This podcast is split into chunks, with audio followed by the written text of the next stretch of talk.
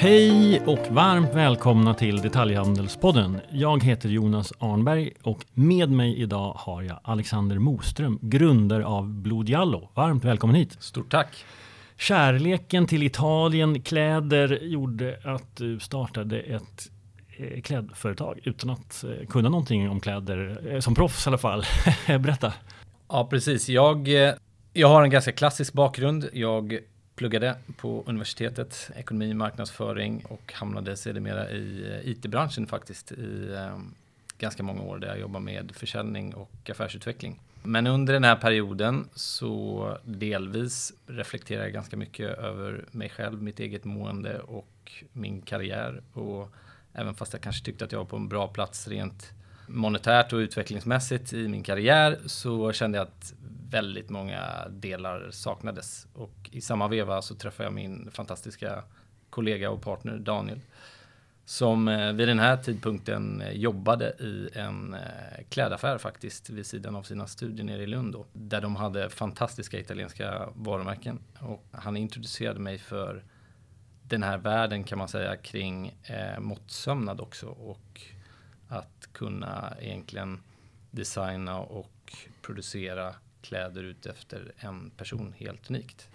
För det ska vi säga, ni som inte har koll på Blodjallo, gå genast in på www blodjalla.se, stämmer det? .se eller .com, det spelar inte så stor roll. Ja. Och det är ju eh, måttsydda eh, klä, herrkläder. Men ni går in, vi, kommer, vi kommer in mer på affären. Mm. Men, men, bara, liksom, bara för att ge lyssnarna någon form av bild så är det väldigt premium. Det är italienskt herrmode i, i korthet. Och det är ju då online. Absolut, så kan man säga. Det, det är både online och via våra fysiska platser då också. Ja, men vi kommer vidare på det. Men jag tänkte vi ska ta avstamp i makroläget, eh, mm. retail-läget, för att sen komma in lite på affären och till sist framtiden. Mm. Och vi har ju varit igenom mycket. Ni startade 2016, 17 och hann ju med några fina år i konjunktur. Sen blev det pandemi och man mm. skaffade sig mjukisbyxor istället för finkläder. Stämmer. Och sen när man kom ut, ja, då, då, då hade du väl lite fart, men sen kom konjunkturen. Ta, ta oss mm. igenom liksom svängarna. Mm. Eh. Ja men precis, din analys är ganska precis. Eh, det har varit mycket upp och ner. Eh, även om Blue Jallo har befunnit sig i eh, tillväxt under alla de här åren, vilket vi är väldigt stolta över, så, så har du som entreprenör och att försöka driva bolag med de här fluktuationerna varit utmanande, kan man helt klart säga. Om vi börjar med pandemin som du var inne på där så den ställde ju i stort sett om allt över en natt i stort sett. För vår del 11 11 mars tror jag det var, någonting sånt. Jag försöker glömma de här datumen. Men, men det gjorde precis som du sa att eh, vi som, som eh, primärt säljer en skräddad produkt, det vill säga kostymer, eh, skräddade byxor, skjortor och så vidare är det, det, är liksom kärnan där vi kommer ifrån. Idag gör vi mycket, mycket mer än så. Men, men just vid den här perioden så är det klart att eh, det blev en jätteutmaning när ingen eh, längre ville gå i kavajer eller skräddade byxor eller skjortor. Ja, möjligtvis en skjorta då. Eh, liksom Ändå fördel jämfört med en del andra som satt med ett stort lager av kostymer till exempel. Det, det, det, hade ni åtminstone inte. Precis, det hade vi inte. Och här kommer du in lite på, på liksom nyckeln nycklarna i våran affärsmodell kontra klassiska fashionbolag. Så att allt vi producerar gör vi ju on demand, vilket ger en flexibilitet och en, en snabb rörlighet som vi utnyttjade väldigt, väldigt bra under den här perioden. Så vi såg ju tidigt att okej, okay, här kommer liksom det klassiska herrmodet dala rätt kraftigt. Uh, jag tror liksom så här i efterhand när jag pratar med, med eh, personer som jobbar med det här på, på på mycket, mycket större nivå så hade de i retail-led liksom dropp på 80-90 procent mm. bara för att ge en kontext på liksom hur konsumtionen av de här produkterna gick ner. Vad vi lyckades göra var egentligen två saker väldigt väl skulle jag säga. Det ena var att vi har en otroligt lojal, stabil kundbas. Alltså vi, vi har alltid haft väldigt höga ja, men, bra och, och, höga tal kring LTV och, och liksom retention och de här sakerna.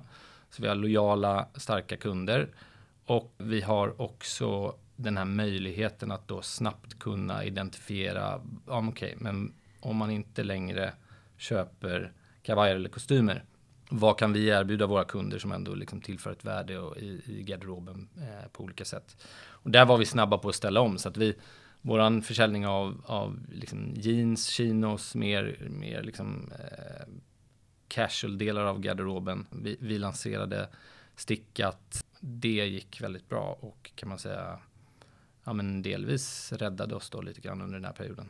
Det säger lite om din kundgrupp också att average Svensson gick från skjorta till mjukisbyxor. Ni, ja. ni gick liksom från premiumkostym till ändå chinos och eh, stickad tröja. Precis. Eh, ja, men det finns väldigt spann i det där såklart, men eh, eh, ja.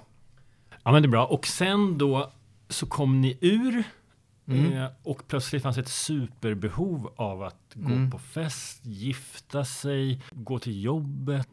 Perfekt marknad för er, förutom att konjunkturen måste ha påverkat er. Exakt, vi kom ur det och kände wow, yes, fast vad härligt liksom. Två år av ångest eh, över eh, lite grann eh, och eh, nu liksom kan vi blicka framåt. Det kom ett krig, eh, var det första som hände i stort sett.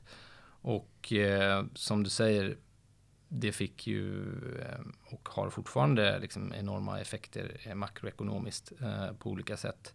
Jag skulle säga det, det svåra även här blev ju att liksom försöka prognostisera någonting och överhuvudtaget analysera längre än liksom en vecka framåt i stort sett. Återigen, vi hade nog fördelen av att då inte behöva sitta och ta beslut kring okej, okay, ska vi köpa in 3000 kostymer nu? Eller eh, kommer vi ha en alltför stor risk med det och därmed sitta med ett överlager till hösten? När liksom den här eh, festive season eller den, den perioden är över. Och det var ju väldigt mycket det som hände liksom för klassisk retail, att man, man, man började liksom bunkra upp eh, för man trodde att okej, okay, utvecklingen kommer nu se bra ut igen under en, en period framåt. Eh, men istället så, så liksom dippade det lagom till hösten igen. Ja, känt på 2023 för många klädhandlare så var det, om man, om man bara liksom väldigt generellt så första halvåret då redde vi ut alla lager. Mm. Och, och, andra halvåret, då fick vi fortsätta rea, för att, mm. men då för att konsumentens efterfrågan hade vikit så pass. Ja. Ja, tufft. Men, och, och var är vi nu då? Ja, men 20, 2023 har varit ett spännande år. Det, det är precis som du säger. Det, det, vi hade en fantastisk vår och det har vi generellt sett alltid haft. Och eh, vi överpresterade liksom månad för månad hela vägen egentligen in i hösten där ja, men vi hade en lite tuffare period. Eh, helt klart. Våran analys, som vi ändå tycker att vi har gjort ganska noggrant, den baseras delvis på att vi höjde priserna i början på 2023 ganska kraftigt. Eh, uppemot en, ja, en 18-20 procent ungefär. Till, till följd av eh, alltså inköpspriser eller ja, allt möjligt? till följd av, av eh, ökade kostnader egentligen mm. genom hela produktions och distributions ledet om man säger så. Sen så låg vi eh, och, och, kanske delvis fortfarande ligger ganska lågt i synnerhet på den svenska marknaden för, för vad vi erbjuder om man ska vara helt ärlig. Värdemässigt den servicen och den fantastiska liksom, kvalitet och produkt som vi har är lite underprissatt på, på, liksom, eh, på svenska marknaden. Och vi är ju liksom till 80-90% exponerade mot svenska marknaden. En annan faktor är liksom att vi köper allting i, i euro och säljer i SEK i stort sett. Jobbigt. Uh, ja, den, jag tror att vi hade i vår initiala liksom, prognos en eurokurs på 9,20 eller någonting sånt där. När vi, när vi liksom startade Bujallo. Men den kan vi hoppas eh, kanske att den är på bättringsvägen nu också då. Men så det var en del. Om vi ska ta ut andra delar liksom i, i liksom ur det makroekonomiska perspektivet så det gick väldigt bra under våren. Eh, jag tror att svenskarna kände att de hade viss konsumtionskraft eh, kvar i sig. Det, det var liksom ljusare tider. Och eh, inför hösten då så tror jag att våran prishöjning i kombination med att vi hade en ganska offensiv inriktning på marknadsföring kring luxury-segmentet av våra produkter. Man kan säga att våra produkter är uppdelade i tre kollektioner eller tre prissegment där vi har liksom entry level och så har vi ett mittsegment eh, och ett väldigt, väldigt lyxigt. Och där hade vi ett, liksom ett strategiskt beslut av att jobba mycket med luxury-delen av varumärket för att liksom cementera den, den liksom absoluta toppkvaliteten och höjden av det vi gör, vilket vi tycker fortfarande är jätteviktigt. Men det gjorde nog att konsumenten, i synnerhet nya konsumenter, trodde att okej, okay, behöver jag komma till Blue Jallo och lägga 20 000 kronor på en kostym? Det kan nog vänta just nu. När liksom i realiteten så börjar våra kostymer på, på 7000 kronor. Men, men det kanske inte riktigt var så att vi var duktiga på att kommunicera det på rätt sätt. Så det fick eh, konsekvenser liksom för hösten. Det är intressant för driften under hela den här tiden efter pandemin och när lågkonjunkturen satte fart har ju varit mot, alltså från ICA till Lidl mm.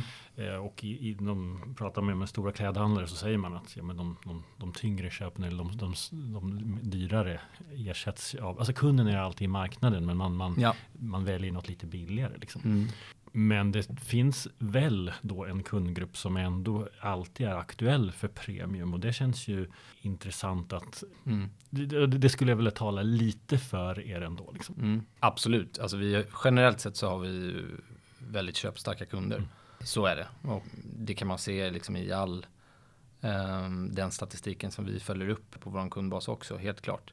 Uh, samtidigt så tror jag att det, det är viktigt för oss och för våran konsument att ha ett segment av produkter där man på ett enkelt sätt kan faktiskt liksom introduceras för Blue Jallo och, och, och våran värld och våran familj som vi brukar referera till för att det, det är liksom en, en, lite av en förändring i konsumentköpbeteende. Du ska vänta fem till sex veckor på produkten, men du får den också liksom helt utifrån dina egna behov och preferenser. Allt ifrån eh, liksom passformen som vi, eh, som vi skapar unikt för dig till liksom design och tygval och alla de här sakerna. Så att det, det är liksom en, ett skifte för konsumenten och då är det också bra att ha liksom ett, ett enkelt insteg, både prismässigt men också mm, tillgänglighet i form av liksom e-handel och bra, bra fysisk upplevelse.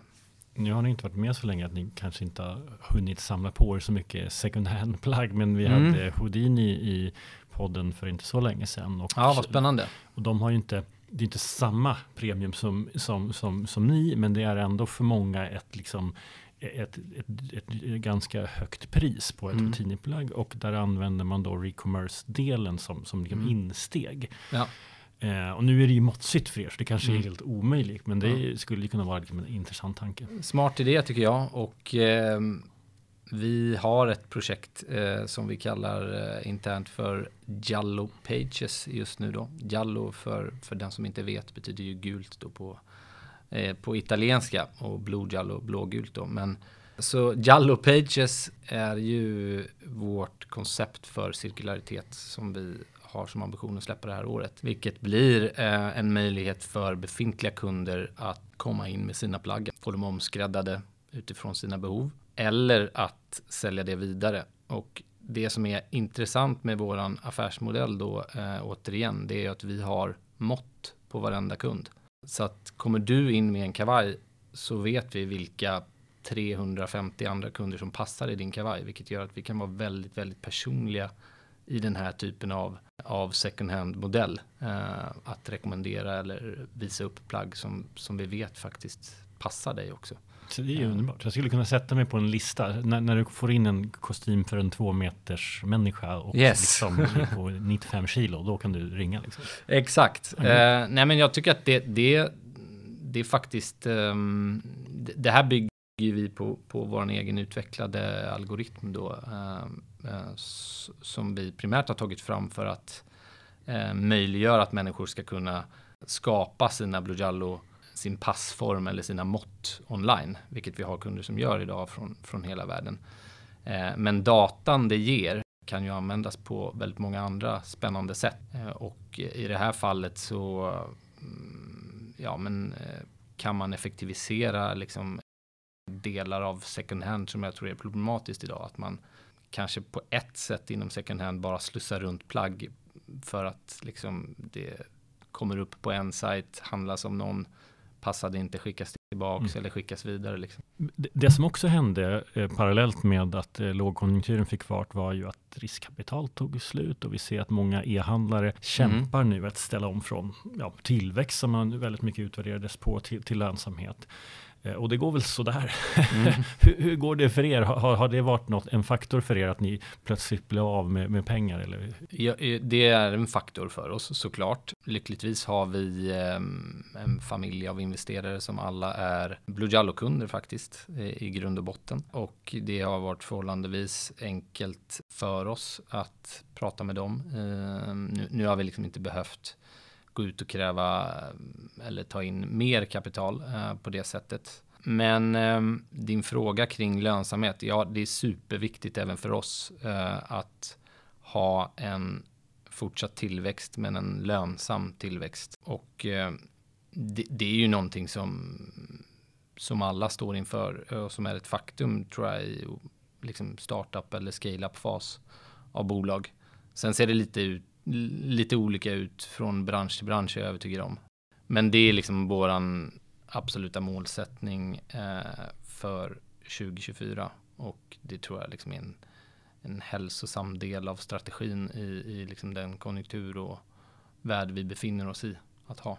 Nu har vi tagit ganska stora eh, tunga investeringar under eh, 2023 bara för att nämna kort så vilket jag hoppas vi ska prata mer om, men vi lanserar ju alltså Blue Jallo för kvinnor också eh, här inom kort, 16 februari. Och det gör vi från vårt nya, jag vill inte säga showroom, för vi kallar det mer eh, hem, som kommer ligga på Birger 2 i Stockholm. Och utöver det nämnde jag lite kring, kring eh, våra koncept för cirkularitet och vi släpper faktiskt en helt ny plattform dessutom eh, i slutet på eh, ja, skiftet februari-mars faktiskt. Så att eh, det, det, är stora förändringar och det här är beslut som vi fattade liksom tidigt under 2023 och som varit viktig, väldigt viktiga för oss att skapa förutsättningar för lönsam tillväxt under 2024. Låt oss komma in på på affären, eh, online, butik eller hemmet som ni kallar det. Ni har allt ni har haft ett showroom på Artilleri, Artillerigatan länge, men nu tar ni liksom mm. nästa nivå. Men, men, kan vi börja med onlineaffären? För skräddarsytt online känns ju svårt. Jag minns mm. när jag köpte min första skjorta på Taylor Store. Det blev ju den genom tiderna tajtaste skjortan. Liksom. Ja. Men sen då, eh, så, så, så, till, till skjorta nummer två så liksom blev jag nöjd och ja. har ju beställt hur mycket som helst där sen dess. Mm. Men det vill man inte göra om, om, om, om plagget kostar ganska mycket vill man inte liksom, liksom ta, ta, liksom vaska en skjorta innan, innan man har satt det. Hur, hur har det funkat? Våran e-handel eh, går jättebra och det är faktiskt den som har gått bäst under 2023. Med, med det sagt så du har du har väldigt rätt i att det är en utmaning för, för många att ja, men, dels att förstå det här konceptet och kanske lite våga betta på okej, okay, kommer det här bli bra? Hur kommer det se ut? Det är frågor som vi jobbar stenhårt med hela tiden. Hela utvecklingen av våran, om man säger mottagningsalgoritm eller mm, det verktyget som vi har utvecklat för att, för att kunna skapa mått online. Det har baserats på mängder av sådana här koncept tidigare, bra och dåliga. Men också all kunddata vi har fått från att träffa och måtta människor fysiskt. Alltså, jag tror det är viktigt liksom, för bakgrundskontext. Så när vi startade Blue Jallo, det som hände var att jag och Daniel måttade och träffade fysiskt de första drygt tusen kunderna. Det är ganska många djupintervjuer där mm. vi står en till en och en halv timme med män då, eftersom vi startade där. Eh, och fick en ganska tydlig bild av ja, men hur man vill handla den här produkten, vad som funkar, vad som inte är bra. Där har vi varit väldigt snabbrörliga och där har vi fått väldigt, väldigt mycket insikter som vi eh, delvis använder i liksom vår mottagningsalgoritm, men också i vår approach och kommunikation på många olika sätt. Sen så finns det faktorer som, som skapar trygghet som vi behöver jobba med, med liksom passformsgarantier och, och, och sådana här saker. Lyckligtvis har vi väldigt, väldigt, om ens några, omproduktioner på våra plagg. Men eh, jag tror att vi, vi, har fortfarande en väg att vandra i att bli ännu bättre på att skapa trygghet och få människor att um, ehm, känna att man vågar testa det här online då specifikt. Men och när man väl har man gått in i, i hemmet eller showroomet mm. eh, och får hjälp där så, så om man har liksom kommit över den tröskeln eller kommit in. Mm. Då som du sa, så då hänger man kvar. Långt, vad sa du, LTV, eller vad heter det? Lifetime, Lifetime value, ja, precis. Eh, man hänger kvar. Det gör man. Och, eh, men du är inne på hela, på hela kärnan i kanske våran, eh, ja, men både största utmaning eh, och målbild, det vill säga att fler människor behöver få upp ögonen för hur fantastiskt det är att handla kläder som är personligt anpassade, både utifrån passform men också utifrån din personlighet och, och, ditt sätt att leva och vara och vad som är viktigt för dig. För det är liksom essensen i vad vi gör på Blue Jello. Vi, vi pratar väldigt mycket om det internt. Vi pratar också om det med våra kunder. att det vi gör väldigt, väldigt bra, i synnerhet mina, mina kollegor som idag tar hand om, om kunderna till största del. Det är att vi hjälper människor uttrycka sig själva, sina personliga varumärken och vi är duktiga på att förstå vad som är viktigt för dig. Oavsett om du är jätteintresserad av kläder eller om det bara är liksom en hygienfaktor. Oavsett det så, så liksom faktum kvarstår att det mest personliga uttrycket som jag tycker att vi har i alla fall, det är liksom det vi har på oss. Det är det första jag ser och reflekterar över eh, idag när jag kommer och hälsa på dig exempelvis. Man, man tar in det medvetet eller omedvetet kanske beroende på hur intresserad man är och det, det här är liksom ett skifte i att kunna få det personligt anpassat oavsett man, vem man är eller eh, vad man har för bakgrund. Liksom. Och det är vi väldigt, väldigt duktiga på att hjälpa till med. Tror, tror du det finns en extra kärlek till plagget också just eftersom det inte bara att det passar och sådär utan mm. att det också är gjort för mig? Absolut, det, det är 100 procent. Det finns ju en Harvard-professor som gjort forskning på som man kallar the IKEA-effekt som mm. betyder, poängen med det är att om jag, om jag sätter ihop min Ikea-skåp själv så har jag en större kärlek till det än om ett proffs kommer att göra det. Precis. För att, liksom, jag har varit med i tillverkningen på något mm. sätt. Även fast det blev lite snedare än liksom proffset mm. så, så, gillar jag det mer. För, mm. jag, för jag har stoppat in mitt eget arbete. Och här har du ju också ett proffs som gör det, men det är ändå speciellt för dig. Mm. Det finns en sån effekt. Det finns det kan jag säga, för att vi har gjort undersökningar på det här och våra kunder eh, generellt sett har ett, eh, dels får kläderna ett, liksom ett längre liv eh, i många fall. Man tar bättre hand om dem.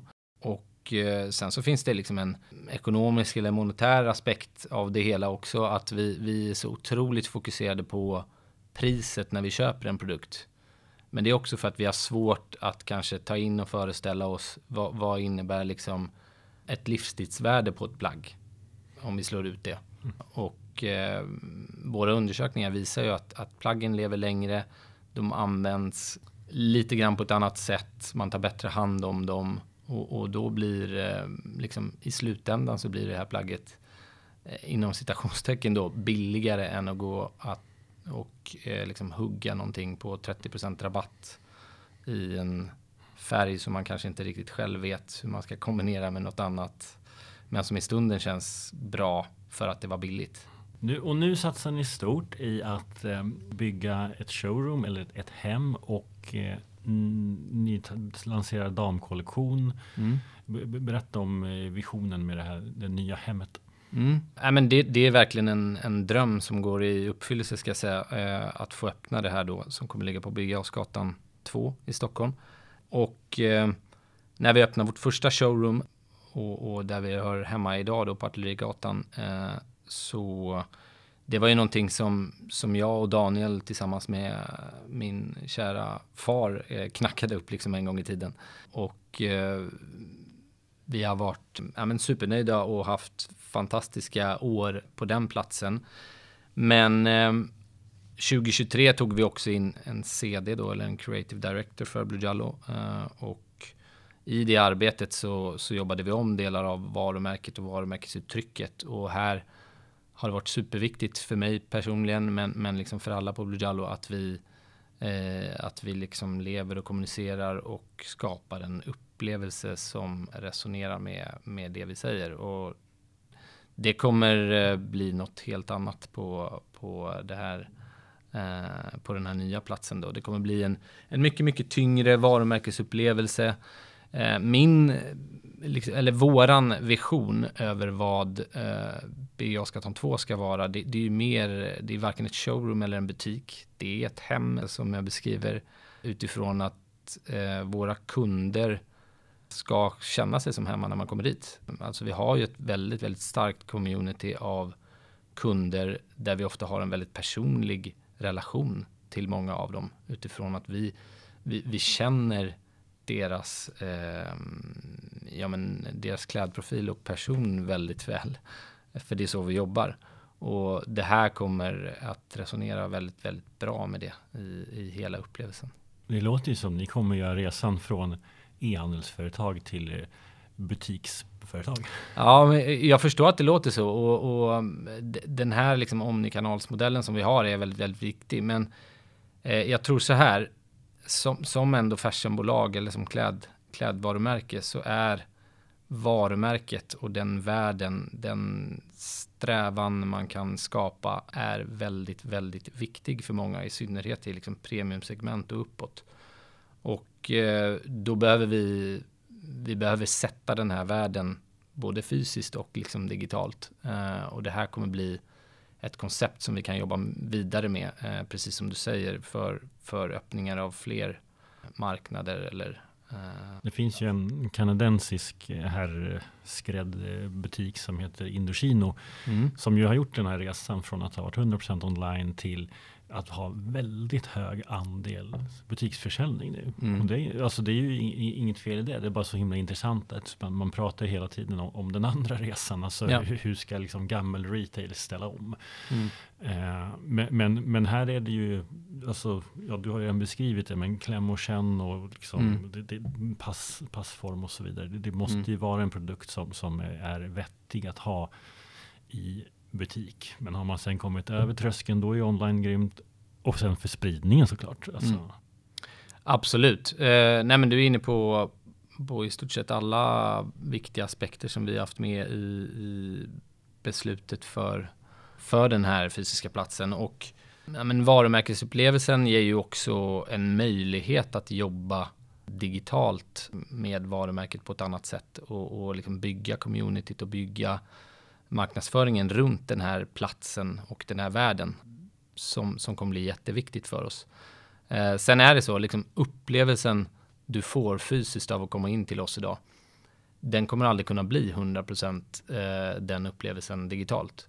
Vi, vi, har satt att vi har som ambition långsiktigt att kanske komma upp i 70-80% av den upplevelsen. Gör vi det, då tror jag att vi gör det otroligt bra digitalt eller liksom på våran e-handel. Eh, men, men vissa delar kommer vi liksom aldrig komma bort ifrån hur, hur viktiga de är och hur de känns i, i liksom de, de fysiska mötena. Så är det nog. Eh. Kommer man få ett glas Nebbiolo också? Eh, det, jag, jag, jag, är inte hundra på vad alkohollagstiftningen säger i Sverige, men, eh, men vi, vi, kan ta det när, när vi släcker micken här. Sen. Men, men du, eh, och så ska du ha in tjejerna. Varför då? Det känns som de har så himla mycket annat och de kommer returnera och du kommer vara beredda Jag fattar det. Och, och vad, vad, ska du med dem um, Ja, spännande.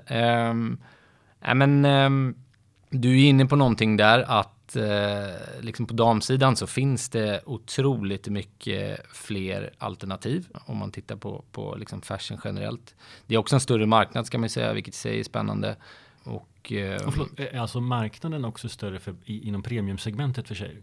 Ja, men det skulle jag, jag skulle säga att, att liksom fashion generellt sett är mycket större eh, på damsidan. På, på alla sätt och vis, oavsett om man mäter liksom produkter eller PR eller eh, exponering generellt. Och eh, om du hade frågat mig så här, okej, okay, du ska tillverka eh, lite RTV-plagg, ready to wear, standardstorlekar eh, skräddat eh, liksom i någon trevlig design eh, och släppa det.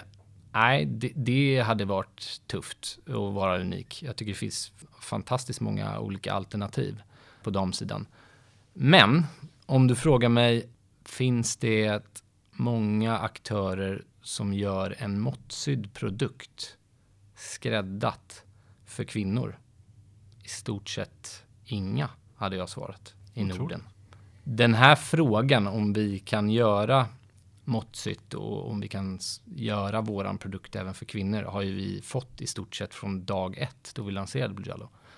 I stort sett, eller väldigt många av våra kunder på här sidan har ju kanske en eh, vän eller eh, flickvän eller um, kollega eller liknande som också har frågat, men fast, det här vore ju fantastiskt även för oss kvinnor. Och eh, det har vi alltid haft med oss som en ambition. Sen, sen har vi enorm respekt för att eh, liksom konsumentköpbeteende som du är inne på, preferenser, hur man vill handla den här typen av produkt ser väldigt olika ut mellan män och kvinnor. Med det sagt, fördelarna att kunna få en unik passform, om vi börjar där, för kvinnor är om inte lika så kanske eh, större viktigare för många. För att kvinnor har mer komplexa kroppar eller för att de har större högre krav? Eh, mer komplexa kroppar, definitivt. Alltså, jag kan ta ett exempel från min egen fru som är här, måttligt intresserad av kläder, men, men för henne är det liksom viktigt att, att ändå hitta varumärken och uttryck som resonerar med hennes personlighet. De varumärken som hon många gånger tittar på och fastnar för har inte en passform som passar henne. Så även om hon skulle kunna bli en fantastisk kund till dem så, så ligger hon liksom inte i spektrat av passform. Och där tror jag det, det här kommer bli jätteintressant för våra kvinnliga kunder att liksom förstå att det vi visar upp oavsett hur, liksom, hur din individuella kropp ser ut så kan vi skrädda den byxan. Vi kan skrädda en byxa med hög midja som sitter åt runt midjan eh, och höftparti eh, och stuss. Men som därefter eh, släpper och får ett superhärligt fall. Liksom. Jag tar det här som exempel för det har varit när under liksom våran trialperiod som har pågått eh, under nästan ett år. Så det, det, har liksom varit en ögonöppnare för kvinnor att, att man kan göra det här. Också att få det i de fantastiska materialval eh, som vi jobbar med. För det är ganska underexponerat inom liksom kvinnligt mode, kvaliteten i tygerna och produkten på många sätt. Otro, det var otroligt intressant. Det kommer bli superspännande och uh, vi, vi, kommer naturligtvis, jag tror att vi kommer lära oss ännu mer under det här året, men, men den setup vi har idag och som vi släpper den 16 februari, den kommer bli fan, en fantastisk upplevelse även för kvinnor. Alexander, låt oss titta framåt. Ehm, och vi har varit inne lite på data. Du har data på alla dina kunder som jag antar att de liksom det, mm. det är också en intressant fråga i sig att dina kunder har inte problem att dela sin data med dig för de upplever Nej. att de får ett värde för det. Annars finns det ju liksom många som kanske är lite, ja men det kan vara känsligt att dela med sig, mm. men det upplever inte ni som ett problem? Nej, inte alls faktiskt. Eh, och jag har inte reflekterat sådär jättemycket över det förrän du säger det nu faktiskt. Men, men det stämmer. Ja, men, och det är ju hela poängen också. Måttsytt är klart jag måste dela med mig. Men det är en annan sak att också du stoppar in det i din eh, datamaskin och, och gör AI av det hela. Vad, vad, vad, vad, har ni på gång? Om man ska liksom dela upp hur våran syn på AI så kan man göra det i ja, men två, tre olika delar. Det första är liksom eh, den approach gentemot AI som vi har. Eh, och där eh, så, så, har jag och Daniel sagt till, gått ut med till våra kollegor att liksom alla behöver nyttja, alla på det här bolaget behöver nyttja AI på något sätt i sin vardag för att ge understöd till, till liksom de processer och eh, de saker som man jobbar med. För att det, det är min liksom absoluta övertygelse att alla har hjälp av AI-verktyg i sin vardag och det kommer bara bli ännu viktigare. Och ja, men som eh, både utifrån liksom min roll som eh, som entreprenör att det är viktigt för oss att vi använder det och blir effektivare. Men också för individen. Alltså det, det, det är så här, ska du vara en, en liksom, eh, ska du ha ett attraktivt CV så, så gynnar det att, att man jobbar med det här dagligen och använder det liksom och tillämpar det på olika sätt. Så det, det är en viktig del. Och oavsett om det är liksom ChatGPT eller vad man vill använda så, så att det finns det systemstödet liksom för alla. Det andra är ju att vi har inte en AI-algoritm för man, man liksom, det är viktigt att särskilja på så här, vi, vi har utvecklat ett mottagningsverktyg som använder eh, ja, men som använder machine learning och blir bättre hela tiden. Men liksom därifrån steget till AI, det, det är ganska stort och jag har liksom väldigt, väldigt stor respekt för, för de eh, stora AI-bolag som finns och, och deras, hur de arbetar med tekniken. Liksom. Så det, det, är viktigt att säga. Men, men däremot så finns ju likheterna i, eh, men du var inne på, på det här med data och förstå kunden bättre. Det är jätteviktigt för oss och där kan vi själva genom mm, liksom det vi har utvecklat förstå kunderna bättre och bättre hela tiden utifrån liksom hur, hur de går igenom de olika stegen i, i, i den här liksom måttagningsprocessen och hur datan ser ut där. Eh, det lär vi oss jättemycket på och det kan vi tillämpa i, i liksom många delar oavsett om det är liksom kommunikation eller teknikförbättringar på plattformen och så vidare. Sen är det ju, ehm, det finns en rad fina AI-verktyg för e-handlare idag. I synnerhet om man vill liksom skapa en mer personlig köpupplevelse. Och det är ju liksom, det, är det vi sysslar med. Och vi har väldigt mycket data. Och har man väldigt mycket data så är utgångspunkten för att komma igång och använda teknik som baseras på AI väldigt, väldigt bra. Allt ifrån liksom hur vi kan se på customer service eh, och, och, både analysera datan och bättre förutspå vilka frågor som kommer, varför de kommer, eh, hur vi kan utveckla och optimera olika delar på, på liksom vår sajt utifrån det. Men sen så tycker jag ett annat eh, spännande område är liksom att använda metadata mer och jobba med AI. Det, det, vet jag faktiskt inte om, om det är någon som lyssnar på den här podden och som gör det idag så, så är jag jätteintresserad av att höra mer. Men, men just det här att vi försöker ju bryta upp de traditionella mönstren som finns i, i liksom fashionbranschen också med det här att du ska följa liksom en, en eh, en eh, säsongsbaserad försäljning och allt ska vara liksom cykliskt som börjar om hela tiden. Och det vi gör är ju så följsamt så att om det sitter någon i Kalifornien eller i Australien eh, och liksom i eh, Luleå samtidigt och vill köpa en kostym så vill ju jag visa upp det som är relevant för dig. Eh, och är det 25 grader och sol ute eller 25 minus och liksom snön eh, står, så, så vill jag förmodligen se olika saker. Och det där kan vi catera väldigt bra till och jag är liksom supernyfiken på hur man kan utnyttja den metadatan som finns från inkommande trafik och, och på andra sätt eh, på sajten för att skapa en mer personlig upplevelse också. Bra genomgång av potentialen i AI. Mm. Otroligt. Skulle, om vi bara hittar på ett läskigt scenario där du har till slut data på alla potentiella kroppar liksom. Mm. Eller liksom krav på mått så. Eh, om Shein får den datan skulle jag kunna beställa skräddarsytt direkt från en fabrik i Kina för 500 kronor då?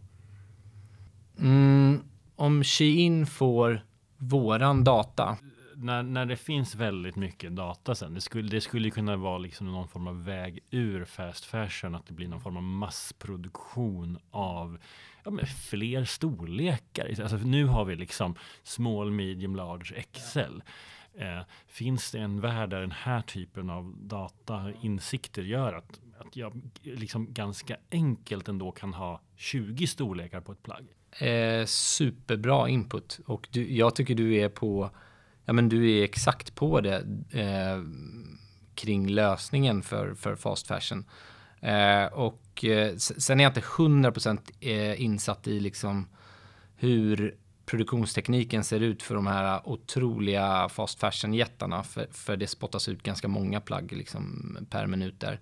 Men alltså mass customization är ju en trend som, ja men jag brukar läsa State of Fashion från McKinsey och business of fashion. Och det, det har länge varit liksom en, en viktig trend och, och, en viktig lösning på, på eh, mycket av den problematik som man ser. Så att mm, ja, superintressant resonemang. Sen så finns det, det finns delar av det här som är intressant redan idag och som inte kräver lika mycket. För det vi också sitter på, det är ju att Våran algoritm är ju också i grund och botten egentligen ett size recommendation verktyg.